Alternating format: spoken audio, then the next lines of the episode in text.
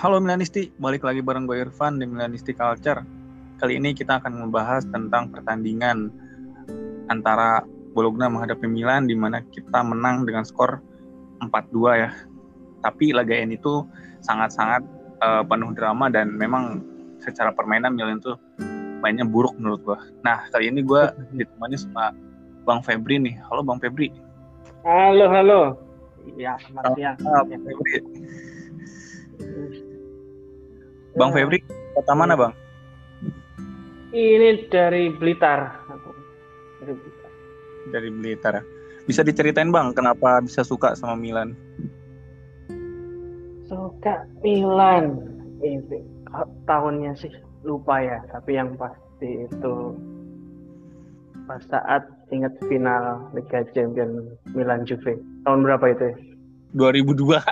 2002. 2002 ya. Ah, itu pas kelas 4 SD 4 4 SD lah. Baru-baru tahu sepak bola juga. Terus lihat pas finalnya lihat adu penaltinya wah kok keren banget dulu pas masih masa kecil waktu kecil tuh. Keren banget pas lagi itu. Juara ah itu udah semenjak itu lihat euforianya itu wah seneng banget. Hmm. akhirnya ngikutin terus ngikutin terus. Mulai saat itu sampai sekarang tuh mulai kerja nih deh masih setia. Masih setia sampai sekarang walaupun uh, uh, melewati banter era ya bang. Masa-masa suram. Masa-masa udah dibully segala macam dah. Ya Mas Febri sendiri um, dari banyaknya pemain Milan semenjak tahun 2002 jadi fans Milan ya uh, kira-kira kalau nyebutin tiga pemain Milan yang paling berkesan buat Bang Febri siapa aja tuh? Kakak, terus El Sharawi, sama Maldini. El Sharawi ya? ah, iya, dulu sebenarnya ngefans, asik ngefans sama El Sharawi itu. Lihat mainan permainannya, apalagi pas dulu apa Milan sudah benar-benar turun. Dia sebenarnya mulai tahun berapa ya? Mulai turun? 2000 2013 13 ya. Nah, hmm. sebenarnya dia kan cukup menonjol sebenarnya. Cukup menonjol.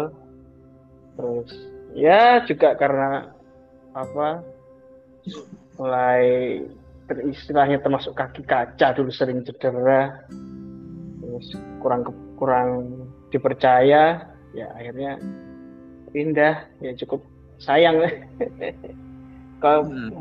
kalau untuk pemain-pemain yang lain ya, ya sudah sudah jelas lah semua sudah tahu lah pasti kakak sama Maldini hmm. gak usah diceritain gitu ya bang ya ah, ah, ah. sudah sudah anu kehebatannya nggak perlu ditanya lagi dah buat dua ah. pemain El Sharawi juga kan termasuk sama trio Mohak ya bang ya kayak Niang hmm. sama Balotelli ya waktu itu Hmm, hmm, hmm. Iya itu. Ah, dulu banget kan. Ah, oke. Okay. Sudah kelihatan menonjol dulu dulu menurutku sih Arjarawi itu. Dia hmm. beberapa pertandingan dia sempat konsisten nyetak gol, nyetak gol sendiri. Tapi ya itu dulu kondisi fisiknya dia lemah. Tapi ya ya cukup menyayangkan sih akhirnya sampai sekarang dia masih bisa ya cukup stabil sebenarnya karirnya. Hmm. Dulu malah sempat nama FB FB ku Febri El Sharawi gitu. Aku itu ngefans banget. nama FB ku pada situ. Hmm. Ya, uh, kita langsung aja bang ke pertandingannya ya uh, antara hmm. Nah nih kita ngebahas dulu soal starting nih. Gua mau nyebutin dulu startingnya siapa aja. Ada Tata Rusano di kiper, ada um, Balotore, uh, Tomori, Simon Kier dan Calabria. Double pivotnya ada uh, Benacer dan Tonali. Di trio lini depannya ada Leo, uh, Runic dan Castillejo yang baru debut lagi sebagai starter nih. Uh, ada Ibrahimovic juga yang penampilannya baru uh, mulai membaik ya, tapi belum maksimal kan. Hmm. Menurut bang, uh, kita dari kiper dulu deh, dari Tata Rusano. Gimana menurut hmm. dengan ini? Ya mungkin juga perlu cerita kok sebenarnya kalau aku nggak nonton dari awal ya baru mulai nonton itu menit 30 kalau nggak salah itu. Menit 30 itu sempat apa bangunnya agak telat. Terus hmm. sempat nontonnya menit-menit segitu. Itu kalau nggak salah sudah satu kosong kalau nggak salah itu. Iya yeah, ya, kalau Tarusano ini gimana ya? Ya sebagai aku kan juga kalau apa suka futsal kiper juga ya. Jadi kalau nah. lihat pemain Tatarusano ini kayak kurang yakinkan untuk kiper. Kalau dibandingkan ya kayak apalagi dengan Mike Non atau kalau dari positioning dia refleksnya refleksnya ya nggak bagus-bagus banget tapi ya juga nggak nggak jelek-jelek banget gitu loh. Tapi bikin back ini belum tenang gitu rasanya kalau kalau gimana? Tata Rusanu ini. Tapi untuk semalam ini ya apa ya? Ya awal sih mainnya kan apa kalau Knani masih apa ya, ya belum belum kelihatan sebenarnya. Baru dia baru mulai bersemangatnya di babak kedua tantangan untuk kiper itu benar-benar di babak kedua itu. Baru benar kerasa. Di babak pertama menurutku sih masih belum belum kelihatan. Hmm. setelah itu udah mulai kelihatan paniknya si Tata Rusano ini kok menurutku kelihatan sih. Ya.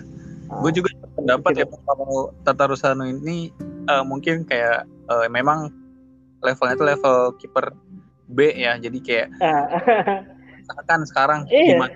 terus memiliki seorang Sesni gitu ya uh, yang keselnya segimana dan mungkin Inter yang memiliki Handanovic kayak gitu. Ya, jadi kayak hmm. kayak kalau Maignan kan dia bisa untuk uh, memberi kepercayaan kepada back kayak ya udah ini gitu kiper kita jago. Tapi kalau kayak Tata Rusano yang main tuh malah kayak back itu banyak bikin blunder karena mungkin kurangnya kepercayaan sama kipernya ya, sendiri. ya, ya itu malah nggak tahu ya kok juga malah bentuk kerjasamanya eh, Kejer, Kier sama Tomori jadi kelihatan menurun gitu loh. Jadi harus hmm. lebih porsi kerjanya lebih meningkat gitu.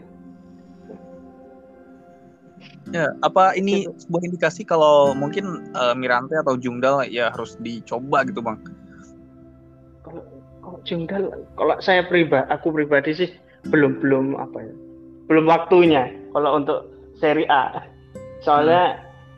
tekanan apa uh, Milan ini kan ya cukup besar ya. Kalau aku ngikutin beritanya gimana apalagi dari harapan gitu kan harapannya itu tinggi. Jadi menurutku mending Mirante sih.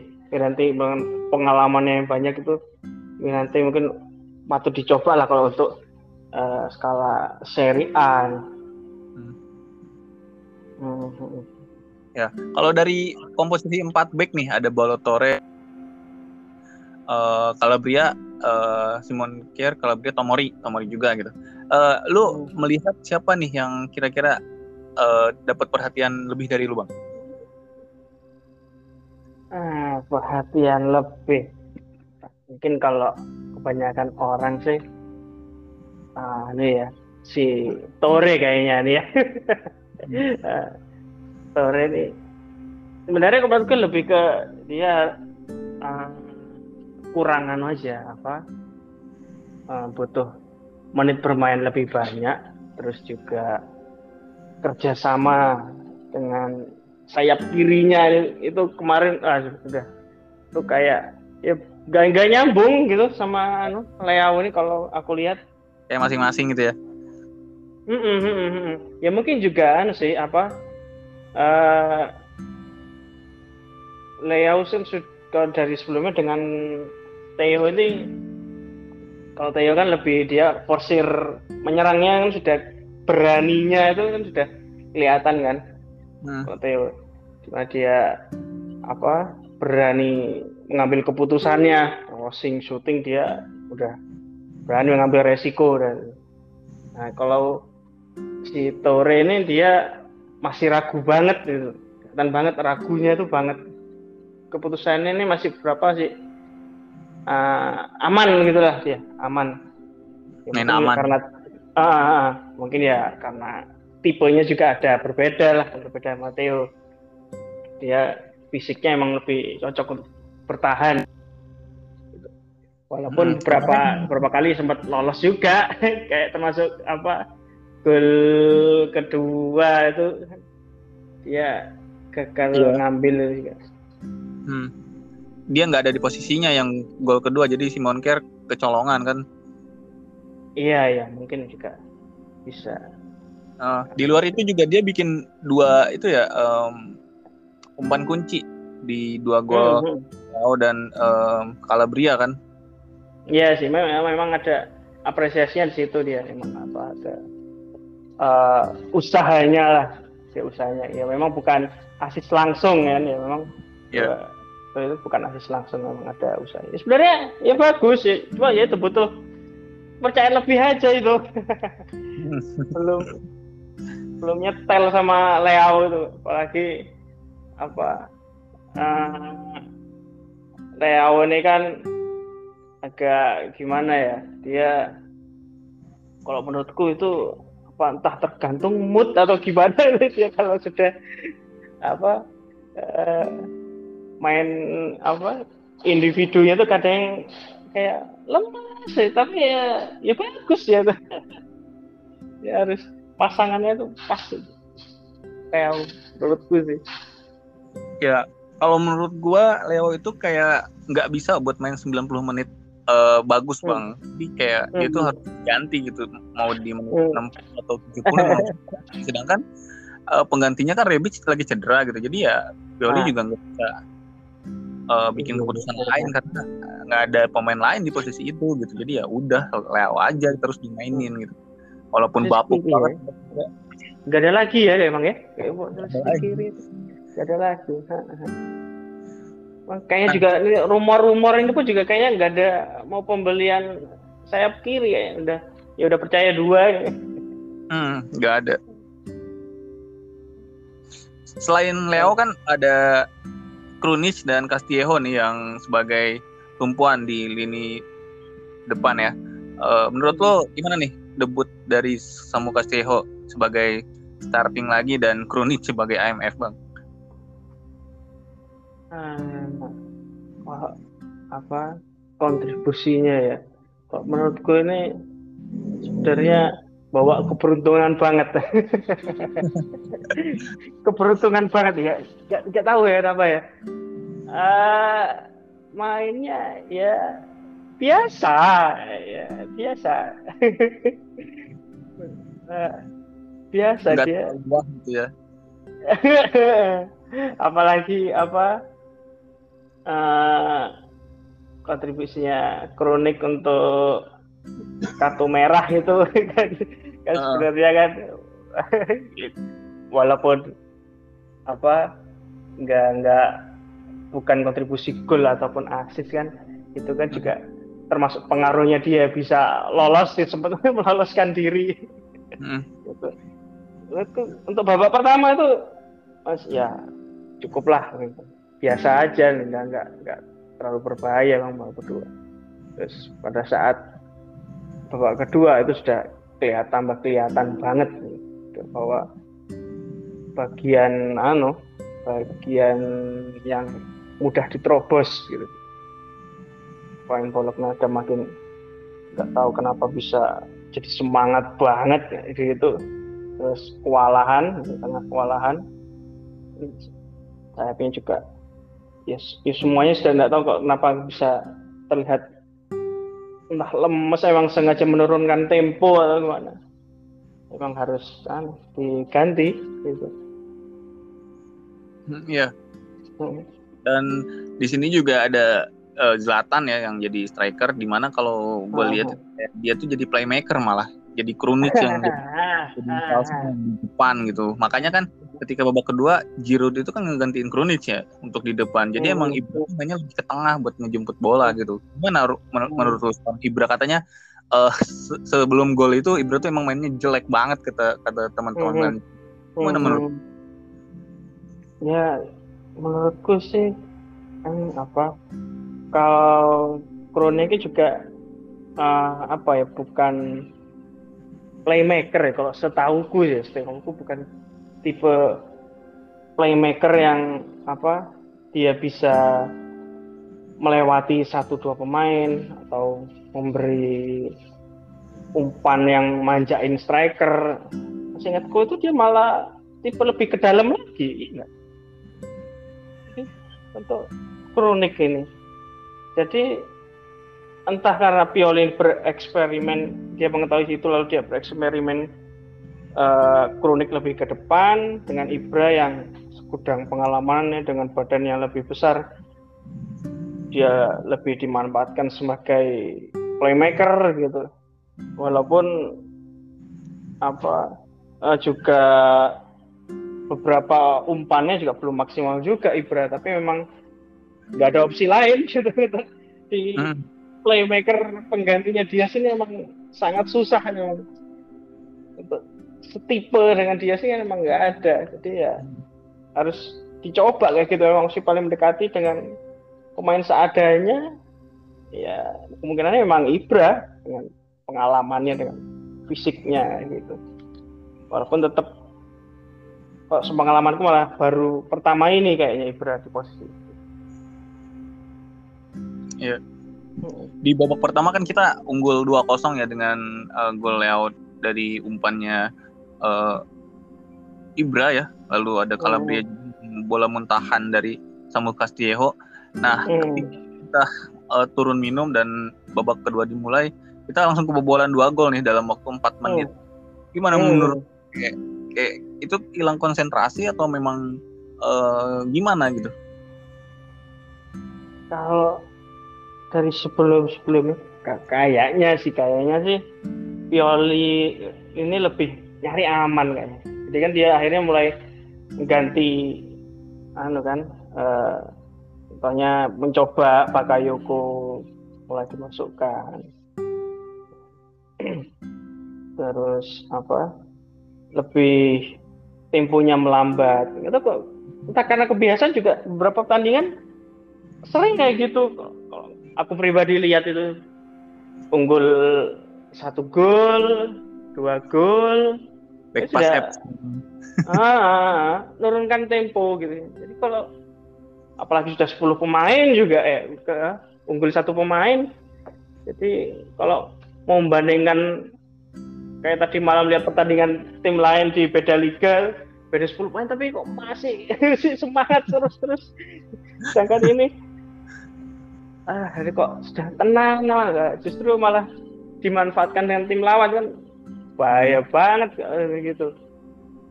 Ya ini memang benar-benar diuntungkan dengan kartu merah lagi itu. Menurutku itu yang salah satu faktornya sebenarnya. Kalau masih 10 pemain tuh kayaknya masih susah itu itu buat um, lewatin buntunya itu. Kayaknya hmm, itu. pemain pemain Bologna itu bisa aja bikin gol 3-2 dan ya, yang iya disinggung kan katanya uh, Milan itu uh, diuntungkan untuk uh, bisa bermain lebih baik karena Bologna main dengan 9 pemain setelah kartu kartu pun apa kartu merah kedua gitu kan. Ini tuh kayak Valeri itu kalau di PS2 kayak wasit Kazuki Ito mungkin ya yang gampang banget ngeluarin kartu gitu. Eh apalagi itu yang apa peluangnya apa Arna Taufik gitu. Wah, gila itu sampai bobolan itu udah banget itu. Ah, Bisa ah, itu. lolos itu menerobosan itu Arna Taufik. Wah, bahaya banget. Dia tuh saya itu main kok bisa deh direbut terus malah lebih semangat yang 10 pemain kan uh, Benasir tuh sebagai pemecah kebuntuan ya di saat skor imbang dua-dua uh, pertandingan itu ya udah kayaknya ini udah imbang pasrah pasti dijadiin bahan bulian lah di akun Facebook gitu. Gue udah pasrah aja. Terus uh, uh, itu ya apa uh, tendangan langsung ya dari bola bola, bola, bola muntah.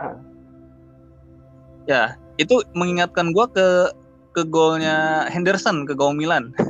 Mirip. Henderson. Oh, yang kemarin ya, kita kalah ya. itu ya. Uh, ya. Dan gol kedua, gol kedua juga kan yang dari Ibra dari soloran dari Benasir juga ya, Bang ya. Menurut lo hmm, gimana hmm, hmm. peran Benasir yang kayaknya jadi MO man of the match nih di pertandingan ini? Iya, ya paling stabil. Selama pertandingan itu ya paling stabil.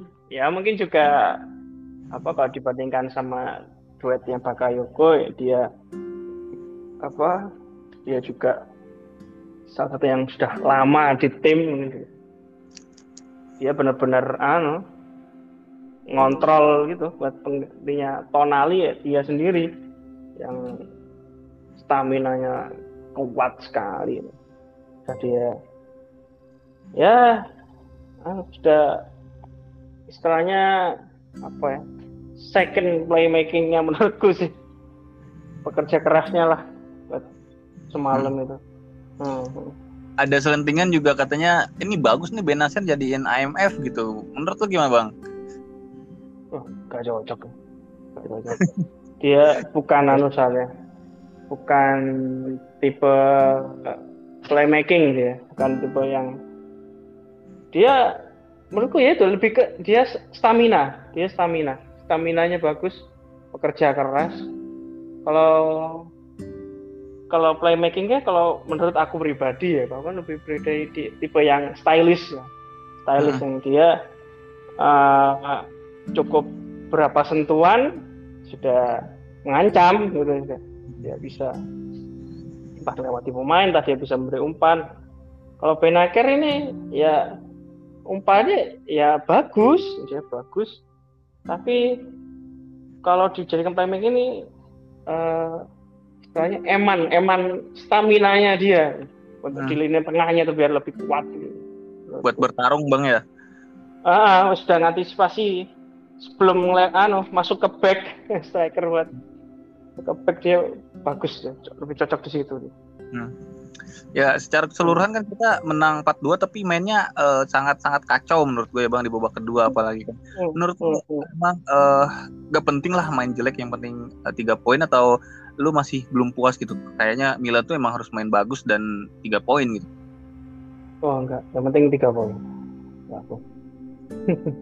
Karena banyak juga yang ngedumel bang si inilah si itulah Pioli apalah gitu kayak lah voucher lah gitu ya wajar lah kita di apa era seperti ini di era apa pelatih yang lebih banyak mengandalkan possession mengandalkan permainan cantik ya, tapi kan juga perlu dilihat pemainnya juga pemainnya kita ya ya harus diakui lah ini masih proses tetap masih proses membentuk pembentukan tim ini. Nah, jadi ya nggak nggak jelek banget ya nggak jelek banget juga nggak bagus banget gitu. Soalnya emang dari pelatihnya pun juga bukan tipe pelatih yang mengandalkan permainan cantik ini. Kalau mengharapkan Pioli permainan cantik nggak bisa. Kayak gitu. Kalau menurutku ya tiga poin lah. Ya tetap tiga poin. Yang penting apa dengan uh, squad ini bisa aku sih ya tetap empat besar itu juara ini dua apa juara satu ini bagus banget kalau bisa. Ya, tetap aku optimis empat besar. Soalnya kalau musim lalu ya ketika kita main jelek itu malah kayak kehilangan poin lawan tim-tim yang seharusnya bisa dikalahkan. Kayak lawan Genoa hmm. 2 lawan Parma 2-2 Inese 1 terus lawan Verona 2-2 itu di kandang.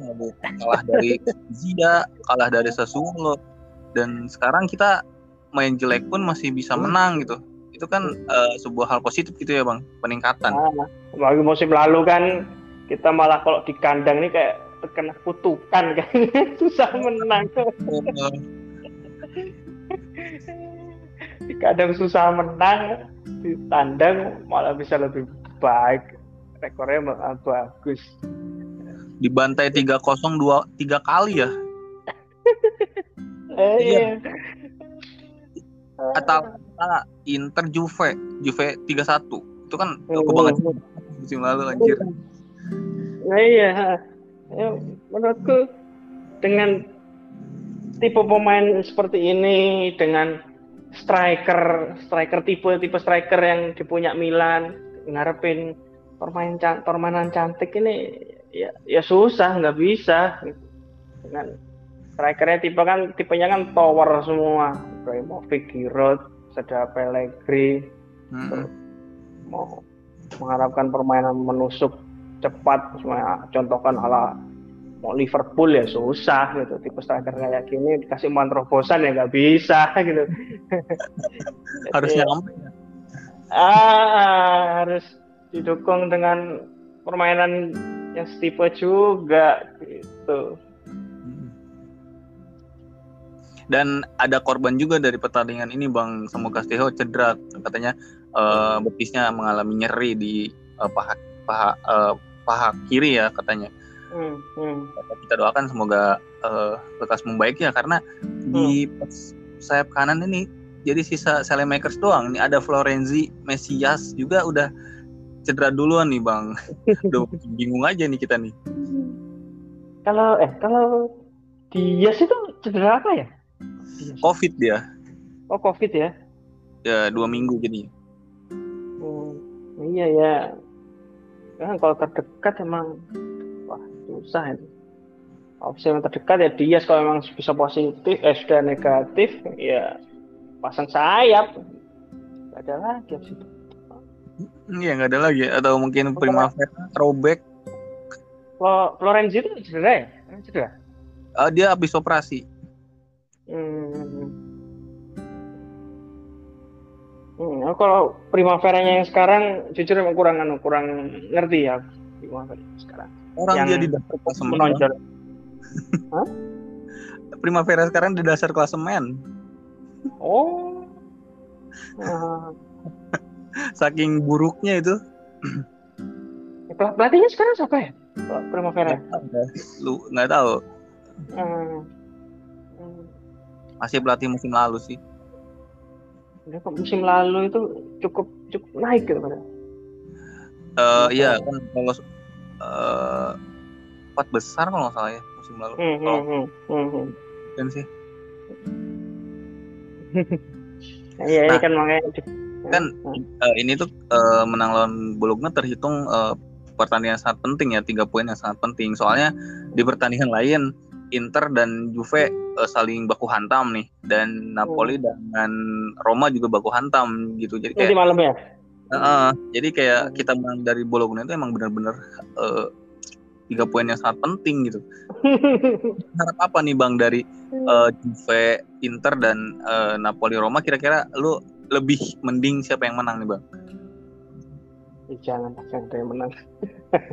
imbang kalau kalau menang ya yang posisi paling bawah deh. Saya apa apa sih Juve itu menang. Gak apa-apa lah. Inter jangan menang. Iya. Kalau Juve yang menang, Inter jadi lebih jauh ke kita gitu. Tapi Ah. Juve gitu. mendekat. Dan, dan Roma juga eh, kalau ngalahin Napoli ya kita tetap jadi eh, puncak klasemen. Tapi kalau Napoli yang menang, kita tetap runner up dan Roma makin jauh gitu dari perebutan empat besar. Oh, Roma itu kayaknya masih ah, belum. Kemarin kan dibantai itu kan. bersaing. Ah, masih belum bersaing lah. Tahun pertama Mourinho ini belum belum. Masih susah. nih. Ya bang, menurut Ya. lo eh, kira-kira dari pertandingan itu eh Bologna lawan Milan, pemain yang kurang maksimal siapa dan pemain yang paling maksimal gitu siapa? kurang maksimal ya Bakayoko sama Bakayoko Tore Tatarusano sih menurutku Kalau Bakayoko, Tatarusano kalau Tatarusano sih sering dimainkan pun aku masih belum yakin dengan pemain ini sih jadi mungkin Nah. kok karena untuk beberapa match ya kalau untuk match kemarin sih mungkin ya pakai aku sama ah aku Tore eh kalau diurutin sih Kronik Tore Bakayoko terus kalau Bakayoko ya mungkin karena dia tampil sekian lama lah perlu beradaptasi masih bisa bisa dimaklumi. Hmm. kalau Kronik udah nggak bisa dimaklumi ya bang dia dia kontribusi yang pembawa keberuntungan. ya. Selebihnya itu ya dia ya harus di posisi yang tepat. Kalau ya bisa bagus, bisa bagus. Musim lalu beberapa pertandingan terakhir dia kan bisa cetak gol. Dia tinggal hmm. di posisinya pas gitu aja lah. Hmm. Ini kan Kalau lagi yang... kemarin. Hah? Kalau yang maksimal siapa? Maksimal aku sih tetap backnya sih backnya uh, Tomori itu maksimal terus uh, ya pasti juga nomor satunya Benaker lah Benaker hmm. Tomori sama Giroud kalau striker ini sebenarnya masalah pengumpannya aja. Kiro tinggal kasih umpan mateng ya contoh satu peluang nyata itu sudah membahayakan itu. Uh, uh, tinggal pengumpannya aja masalahnya. Itu nggak ada yang tipe-tipe crossing. Ya Aku jadi pribadi itu. jadi yang uh, kurang maksimalnya tuh Krunic, Bakayoko dan Balotore ya sedang mm-hmm. yang mainnya bagus itu ada uh, Giroud, Tomori dan uh, Benacer ya. Mm-hmm.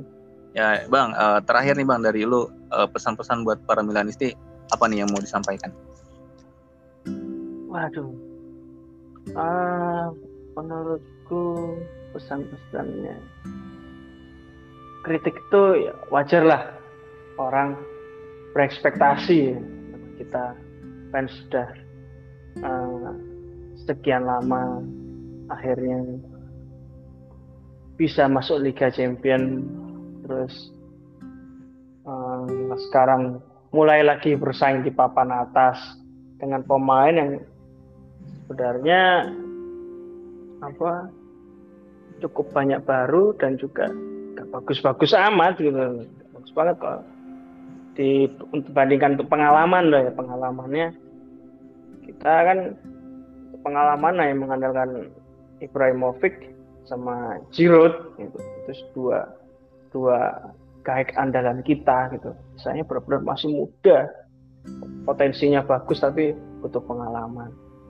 Jadi apalagi apa di Liga Champion itu kan wah sudah di pesimis segala macam ya namanya setelah sekian lama Liga Champion ya udah jangan harap banyak gitu. Apalagi hmm. kita tim sama Liverpool dan Atletico sudah bolak-balik apa di atas perempat final bahkan final ya kita nggak bisa berharap banyak gitu. Uh aku sih untuk Liga Champion semuanya oh ya peringkat tiga lah nanti kita balik lagi ke Liga malam Jumat gitu. Iya nggak apa-apa mungkin kita bisa fokus ke seri A. Kok seri A nya aku masih bisa yakin lah. Dengan pemain dengan yang ada sekarang kok menurutku selama kita nggak badai cedera kita bisa. Apa uh, dua besar tuh aku masih bisa yakin. Juara ya masih nggak muluk-muluk. Yang penting ya percaya masih bisa jadi lebih baik bisa lah papan atas yakin lah Oke, okay, uh, eh, itu pesan-pesan dari Bang Febri. Uh, intinya ya. kita terlalu uh, toksik ya dalam uh, mendukung. Hmm, hmm, hmm. Nah itu, itu lah penting banget itu. Uh, jadi kayak kita tuh harus lebih elegan aja gitu, dan dan melihat kita tuh baru debut sekali gitu di UCL jadi jangan terlalu berekspektasi lebih kalau mau berekspektasi bahkan gitu tapi tanggung jawab dengan ekspektasi sendiri gitu. Nah itu itu. Kadang udah kadang berekspektasi ya apa berekspektasi kadang sudah tidak sesuai wah udah macam-macam ya, aku okay. sih ya. eh, gimana bang? Ya kalau aku sih uh, apa berharap ya juga berharap tapi ya ya sudah ya kalah ya gimana sudah berjuang banget mainnya maksimal. Sebenarnya pun di luar ekspektasi juga bisa apa uh, menandingi Liverpool Atletico walaupun harus diakui ada ban, apa ya kesalahan dari pihak ketiganya. Hmm. ya. Bumbu pertandingan ya sebetulnya kan dari musim lalu juga ketika kita pengen lolos ke Liga Champion para fans cuma bilang eh, yang penting mah nanti kita bisa nonton Milan lagi gitu di UCL nggak lagi nonton malam Jumat kayak gitu aja kan jadi kayak uh, mereka itu berpikir yang penting kita bisa nonton Milan di UCL kayak gitu. Dan sekarang ketika hmm. Milan uh, masuk di UCL dengan grup neraka pun hmm. berarti lebih lagi menang gitu. iya. Aja udah beda gitu. Yang musim uh. penting nonton lah gitu di UCL nggak menang cuma sekarang hmm. terus menang jelek lah atau pilo atau apa gitu kan jadi uh. kayak uh, bunglon gitu ya berubah-ubah gitu. Ya, ya emang sudah dari awal pembagian grup itu sudah aku udah ya sudah jangan berharap banyak lah Liverpool sudah bolak-balik Liga Champions sudah final berapa kali dengan pemain yang sudah yang nggak berubah banyak sudah pasti kualitasnya kerjasama lebih baik. Atletico juga Porto. Oh dibandingkan dengan Milan yang masukan ya pengalamannya baru Ibra sama Giroud gitu. Yang nggak bisa dimainin bareng juga. Jadi ya ya harus ya. Ya tahu lah tahu. Tahu tahu diri ya bukan sih ah ya betul lah tahu diri ya karena bang eh, dari hmm. dari niat aja mungkin beberapa fans udah beda gitu yang di mana kayak hmm. kita tuh bangun uh, subuh gitu ya bangun dini hari itu oh, untuk oh, oh. menang aja gitu. Jadi ketika Milannya kalah itu atau imbang mereka tuh ngegerutu karena yang oh, mereka niatkan itu ya gue nonton Milan ya karena pengen lihat Milan gue menang gitu. Padahal seharusnya dia nonton Milan ya karena emang pengen nonton pertandingan Milannya gitu, nggak menuntut untuk hmm. lu uh, berkorban untuk bangun dini hari dengan terbayar sebuah kemenangan itu kan kayak kayak terlalu uh, aneh aja menurut gue gitu. ya, ya itu sepak bola ya. Ini juga uh, dalam artinya bukan aku pesimis ya, bukan bukan aku pesimis. Eh nggak mungkin lagi bisa semuanya. Ah nonton aja paling Ah kita mending gini aja, bukan bukan pesimis. Uh, tapi ya ya harus sadar diri gitu. Contohnya juga sekarang kita belum terkalahkan. Ini nanti pasti kalah gitu. Hmm. bukan apa ah, 99 persen ya oke lah nggak mungkin nggak 100 persen 99 persen nanti pasti akan ada kalah ya itu wajar gitu loh itu hmm. wajar kita mengkritik semuanya ini semuanya underperform gitu ini semuanya ini lagi main buruk ya wajar nggak nggak sejak zamannya Arsenal dulu Liga Inggris ya sampai sekarang. Belum ada yang stabil selama satu musim penuh nggak ada. Hmm. Apalagi dengan perpaduan pemain pengalaman sama pemain muda baru ini. Masih apa istilahnya berkumpul dan banyak perubahan juga satu musim ini uh, apa ya tetap harus uh, sadar diri tapi ya harus dukung terus lah gitu kalau menurutku Oke, okay, uh, eh, Bang Febri, uh, thanks nih buat waktunya udah nemenin gua ngobrol hmm. gitu ini. Hmm, iya, iya, iya, iya. Terima kasih banyak juga udah diundang. Lain waktu kalau boleh lagi. ah, Ya, selalu Bang Febri. Uh, kalah menang imbang apa pun itu kita tetap teriak Forza Milan. Oh, iya ya, harus itu Forza Milan.